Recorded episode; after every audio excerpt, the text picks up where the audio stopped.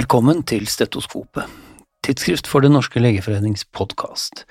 Hver annen uke med medisinske redaktører og helseaktuelle gjester i studio, og hver annen uke Redaktørens hjørne, der jeg, Are Brean, sjefredaktør i tidsskriftet, gir deg en høyst subjektiv gjennomgang av de nyeste forskningsartiklene, sakene og debattene i de største internasjonale generellmedisinske tidsskriftene. Denne gang begynner vi med koronanytt. Virusvarianten BA286, som for nylig også ble påvist i prøver av avløpsvann i Norge, har skapt overskrifter over hele verden, til tross for at den så langt bare er påvist i noen titalls pasienter. I Norge foreløpig ikke i noen pasienter for øvrig, men altså i avløpsvann.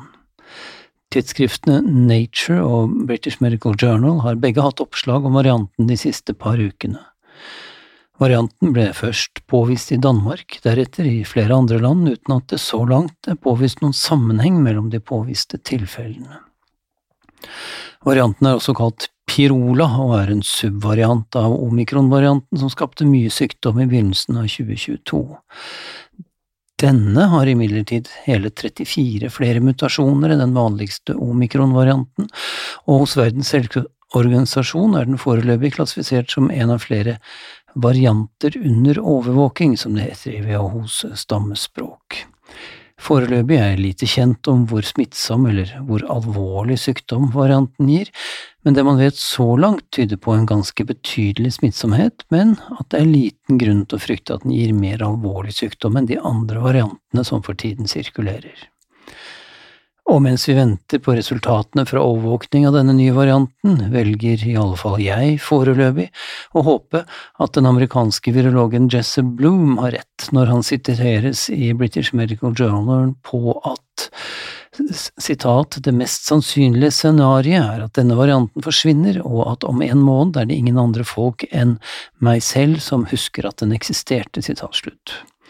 Den selvsamme Jesse Bloom er for øvrig også intervjuet i tidsskriftet Nature denne uken, der han gjentar budskapet sitt om at dette neppe er noe stort å bekymre seg om, til tross for til dels alarmistiske oppslag, i alle fall i norsk presse. Vi krysser fingrene. Men det er ikke bare overvåkning som må til i den videre kampen mot koronaviruset. Videre utvikling av vaksiner og antivirale medikamenter vil være svært viktig for hurtig å kunne møte eventuelle nye og farligere varianter. I USA har nå Biden-administrasjonen lansert prosjektet NextGen, der det skal investeres hele fem milliarder dollar i tre satsingsområder. For det første vaksiner som gir bredere immunitet mot nye varianter. For det andre vaksiner som gir spesifikk slimhinneimmunitet for å blokkere smitte. Og for det tredje monoklonale antistoffer som kan motstå fremtidige varianter. Dette skriver Xavier Becerra og Ashish Ja fra selveste White House covid-19 Response Team om i siste utgave av New England Journal of Medicine. Og hvorfor denne storstilte statlige innsatsen i USA? Ja, forklaringen de gir er nesten rørende sosialdemokratisk i natur. Det står nemlig for mye på spill, sier de til å overlate vaksineutviklingen til de private farmasiselskapene alene. Vi skal over til noe annet sosialt, nemlig sosiale determinanter, heter det, for helse. At negative barndomserfaringer har betydning for senere helse er vel kjent fra flere typer studier, og nå foreligger det enda en slik studie, nemlig på betydningen av å ha opplevd å ha en forelder i fengsel i barndommen. Og hvor ellers enn i USA er det optimalt å gjennomføre en slik studie? I absolutte tall er USA i særklasse det landet med flest fanger. Over to millioner amerikanere sitter til enhver tid i fengsel. Og i relative tall er USA bare helt nylig forbigått av El Salvador som det landet i verden som fengsler den høyeste andelen av sin egen befolkning. I denne nye populasjonsbaserte kohortstudien, publisert i Yama Cardiology forrige uke, tok man utgangspunkt i en større amerikansk longitudinell studie av over 16 millioner amerikanere, og inkluderte nærmere 10 000 barn hvis en eller begge foreldre hadde blitt fengslet før barnet fylte 18 år. Barna ble så fulgt opp ved henholdsvis litt under 30 30 og litt under 40 års alder, en ordentlig longitudinell studie altså, og sammenlignet med sine jevnaldrende hadde barn av fengslede foreldre om lag 30 høyere risiko for hypertensjon og om lag 60% høyere risiko for forhøyede inflammasjonsmarkører assosiert med økt risiko for kardiovaskulær sykdom. Det var ingen assosiasjon med øvrige risikofaktorer for kardiovaskulær sykdom i denne studien, og hele én av syv barn i denne enorme amerikanske kohorten hadde opplevd fengsling av en eller begge foreldre før fylte 18 år. Ikke uventet var det også en betydelig forskjell i etnisitet, der ikke-hvite hadde nærmere dobbelt så stor risiko for å ha opplevd å ha en eller to foreldre i fengsel. Forekomsten av barndomstraumer bør etter dette inngå som en del av vurderingen for risiko for kardiovaskulær sykdom. De ordene er ikke mine, men er hentet fra en korresponderende lederartikkel i Yama Cardiology. Og når vi først er i gang med betydningen av barndomserfaringer, det er vel kjent at svangerskapsdepresjon hos mor er assosiert med senere negative utfall hos barnet. Det samme er bruk av antidepressive medikamenter i svangerskapet. For eh, serotonin er nemlig en kjent vekstfaktor i den prenatale utviklingen av særlig kortikolimbiske strukturer i hjernen.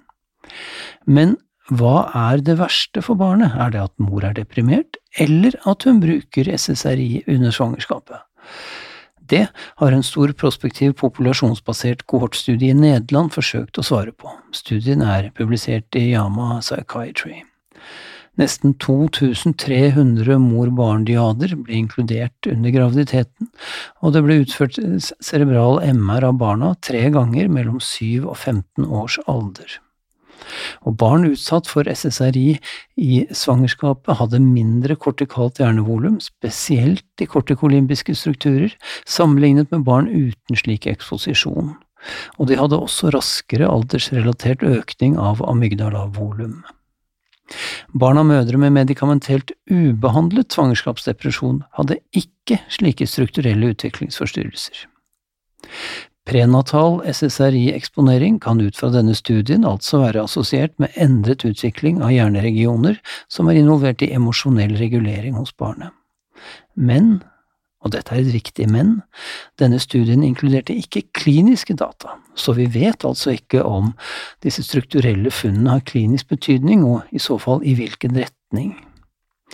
En korresponderende lederartikkel i Yama Psychiatry advarer derfor edruelig nok mot overfortolkning av funnene inntil kliniske data foreligger. Vi skal fra den ene enden av livet over til den andre, men vi skal holde oss til temaet forandringer i hjernen. Som vi vet, er det viktig å ha venner. Nå tyder en ny studie fra Japan på at venner, eller rettere sagt mangel på venner, i alderdommen kan sette målbare spor i hjernen. Nærmere 9000 hjemmeboende japanere over 65 års alder uten demenssykdom ble inkludert i studien, og den ble nylig publisert i tidsskriftet Neurology og også omtalt i British Medical Journal. Deltakerne gjennomgikk cerebral MR og generelle helseundersøkelser, og de fikk spørsmål om frekvensen av kontakt med venner og med slektninger de ikke bodde sammen med. Høy frekvens av kontakt med andre var signifikant positivt assosiert med totalt hjernevolum, og jo mindre kontakt med andre, jo flere patologiske lesjoner i hvit hjernesubstans. Depresjon kan selvsagt være en mediator i denne assosiasjonen, Eh, men analysene viste at depresjon bare kunne forklare et sted mellom 15 og 29 prosent av de observerte assosiasjonene. Studien kan selvsagt ikke si noe om retningen på sammenhengen her. Er man venneløs som en konsekvens av tidlig hjerneatrofi, eller er det omvendt? Uansett, ta vare på dine venner, det er mye hyggeligere enn å være venneløs, og kanskje det til og med kan forebygge tap av hjernemasse. Vi gir oss ikke med de eldre riktig ennå. Acetylsalicylsyre er en gammel traver i forebyggende medisin, og har en viktig rolle i blant annet sekundærforebygging av hjerneinfarkt. Evidensen for at det også er effektivt for å primærforebygge hjerneinfarkt, er imidlertid mer blandet. Det har en sekundæranalyse av en stor randomisert, dobbeltblindet eh, og placebokontrollert studie utført i Australia og USA forsøkt å bøte på. Over 19 000 eldre med en median alder på 74 år ble inkludert og fulgt i nesten fem år. Deltakerne ble randomisert til enten 100 mg acetylsalicylsyre daglig eller placebo. De som fikk acetylsalicylsyre hadde en signifikant økning i risiko for intrakranielle blødninger, men ingen redusert risiko for iskjemisk hjerneslag. Ut fra denne studien har med andre ord acetylsalicylsyre intet å gjøre i primærforebygging av hjerneslag, og studien er publisert i Yama Network Open.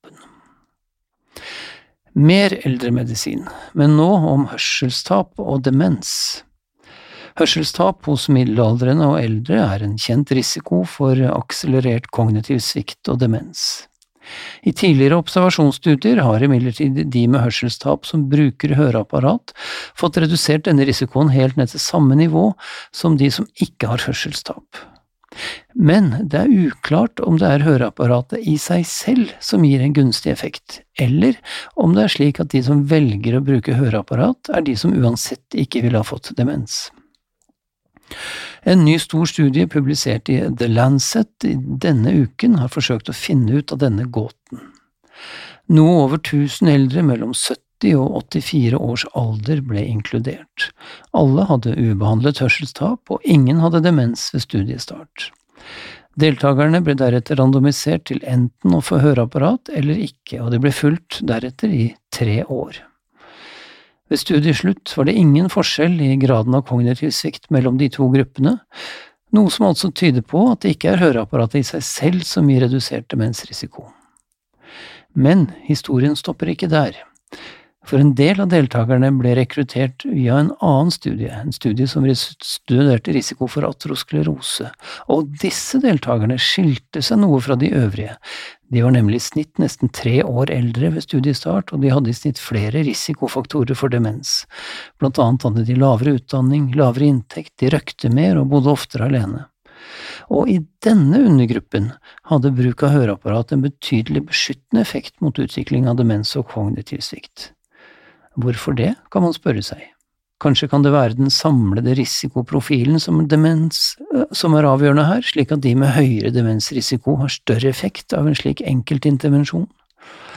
For de øvrige deltakerne, de var nemlig rekruttert gjennom avisannonser, og folk som svarer på slike avisannonser og gjerne vil være med på et forskningsprosjekt, ja, de har en tendens til å være både ressurssterke og kognitivt og fysisk aktive. Dermed har de mindre demensrisiko i utgangspunktet. Så gåten er med andre ord ikke helt besvart ennå. Og igjen blir vi minnet på at årsakene til kognitiv svikt ofte er komplekse, og ikke minst at studiedesign i forskningsprosjekter både er svært viktig og svært vanskelig. Over til noe helt annet. Sigarettrøyking er fortsatt den ledende dødsårsaken flere steder i verden, blant annet i USA. Årsaken til både røykeepidemien og til at det er så vanskelig å bli helt kvitt den, er selvsagt at nikotin er så intenst avhengighetsskapende. Det er bakgrunnen for at Biden-administrasjonen i USA, tilskyndet av det amerikanske FDA, nå lanserer planer for å begrense nikotininnholdet i sigaretter. I et lengre Viewpoint-artikkel i Yama i forrige uke går en gruppe forfattere ut med sterk støtte til planene men reiser samtidig spørsmål om hvorfor e-sigaretter ikke omfattes av den foreslåtte begrensningen i nikotininnhold. For e-sigarettepidemien er i ferd med å forføre en hel generasjon av unge amerikanere inn i nikotinavhengighet. Historien gjentar seg altså, men nå med nye nikotinprodukter. Bare to prosent av amerikanske ungdommer røyker nå vanlige sigaretter, mens hele 14% bruker e-sigaretter. 14% Smak på det tallet mens vi venter på at nikotininnholdige e-sigaretter kommer i lovlig salg i Norge. Sannsynligvis skjer det i løpet av 2023. Vanlige sigaretter inneholder bare 1–2% nikotin, skriver forfatterne i Yama, mens de mest populære e-sigarettene inneholder opptil 7% nikotin, og altså har et enda større potensial for å gi avhengighet enn vanlige sigaretter. Heldigvis setter EU grenser her i Europa, der e-sigarettene bare har lov til å inneholde maks 2% nikotin. Likevel, vi har jammen hendene mer enn nok fulle med snusepidemien her hjemme i Norge, så når e-sigaretter med nikotin får opp dampen også her, så gjelder det å følge med på forbruksmønsteret fremover, i tide til å hindre at enda en ny generasjon blir nikotinavhengige. Omtrent én av ti personer med migrene utvikler kronisk migrene, en for noen nærmest invalidiserende tilstand som er definert som mer enn 15 hodepinedager per måned, hvorav de fleste har migrenepreg. Spesifikk forebyggende medisin mot denne plagsomme tilstanden har foreløpig ikke vært tilgjengelig. Patofysiologien ved migrene er som kjent nært knyttet til det trigeminovaskulære system, der særlig kalcitonin genrelatert peptid, eller CGRP, er sentralt. En ny klasse CGRP-reseptorantagonister, de såkalte gepantene, har derfor vært utprøvd i lengre tid, og virkestoffet atogepant har vært såpass lovende at det allerede i 2021 fikk FDA-godkjenning mot kronisk migrene i USA.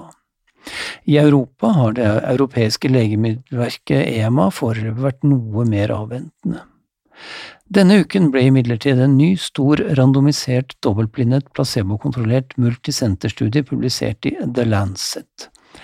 Nærmere 800 pasienter med kronisk migrene fra 16 ulike land ble inkludert og randomisert til enten atogepant 30 mg to ganger daglig, eller atogepant 60 mg én gang daglig, eller placebo. Begge atogepantgruppene fikk signifikant og klinisk meningsfull reduksjon i antall månedlige hodepinedager sammenlignet med placebo, selv om alle gruppene fikk redusert antall hodepinedager. Placebogruppen fikk 5,1 eh, færre dager i snitt per måned, 30 mg ganger 2-gruppen fikk 7,5 færre dager, og 60 mg-gruppen fikk 6,9 færre dager. Noe obstipasjon, kvalme og helt lett vekttap ble sett i begge atogepantgruppene, hos i størrelsesorden noe under 10% av deltakerne, men bivirkningene var tolerable. Det skal bli spennende å se nå hvordan EMA eh, vurderer denne studien, og om vi nå kan forvente en godkjenning også i Europa, eller om flere sikkerhets- og effektdata trengs først. Helt til slutt i dag. 55 millioner mennesker i verden lever med demens, og det er beregnet at det blir 10 millioner nye demenstilfeller hvert år. Den totale globale omsorgs- og lidelsesbyrden av demens er med andre ord enorm. Kurativ behandling av de vanligste demensårsakene er lite trolig, og i alle fall ikke de nærmeste årene. Vi må med andre ord sørge for at demensforløpet blir så godt som mulig for så mange som mulig. Derfor foreslår nå en gruppe leger fra annet Harvard og Universitetet i California i siste utgave av New England Journal of Medicine et helt nytt fagfelt, nemlig, hold deg fast, intet mindre enn gerinevropalliasjon. Det nøyaktige innholdet i dette nye faget gerinevropalliasjon er litt vanskelig å få helt tak på, men faget skal visstnok strekke seg ut over både geriatrien, nevrologien og primærhelsetjenesten, og på en måte favne hele demensforløpet fra diagnose til grav. Er det en god idé, eller er det bare fine ord? Er det nyvinning, eller er det bare nytale? Tja. New England Journal of Medicine har i alle fall gitt en betydelig spalteplass i en perspektivartikkel. Integrert og tverrfaglig diagnose, behandling og omsorg er selvfølgelig svært viktig ved en tilstand som demens, men trenger man å kalle det noe så, unnskyld meg, oppstyltet som gerinevropalliasjon av den grunn? Les gjerne artikkelen selv og gjør deg opp en mening. Nå har du i alle fall hørt om det, og kanskje kommer det etter hvert til en helseinstitusjon nær deg. Vi høres neste gang.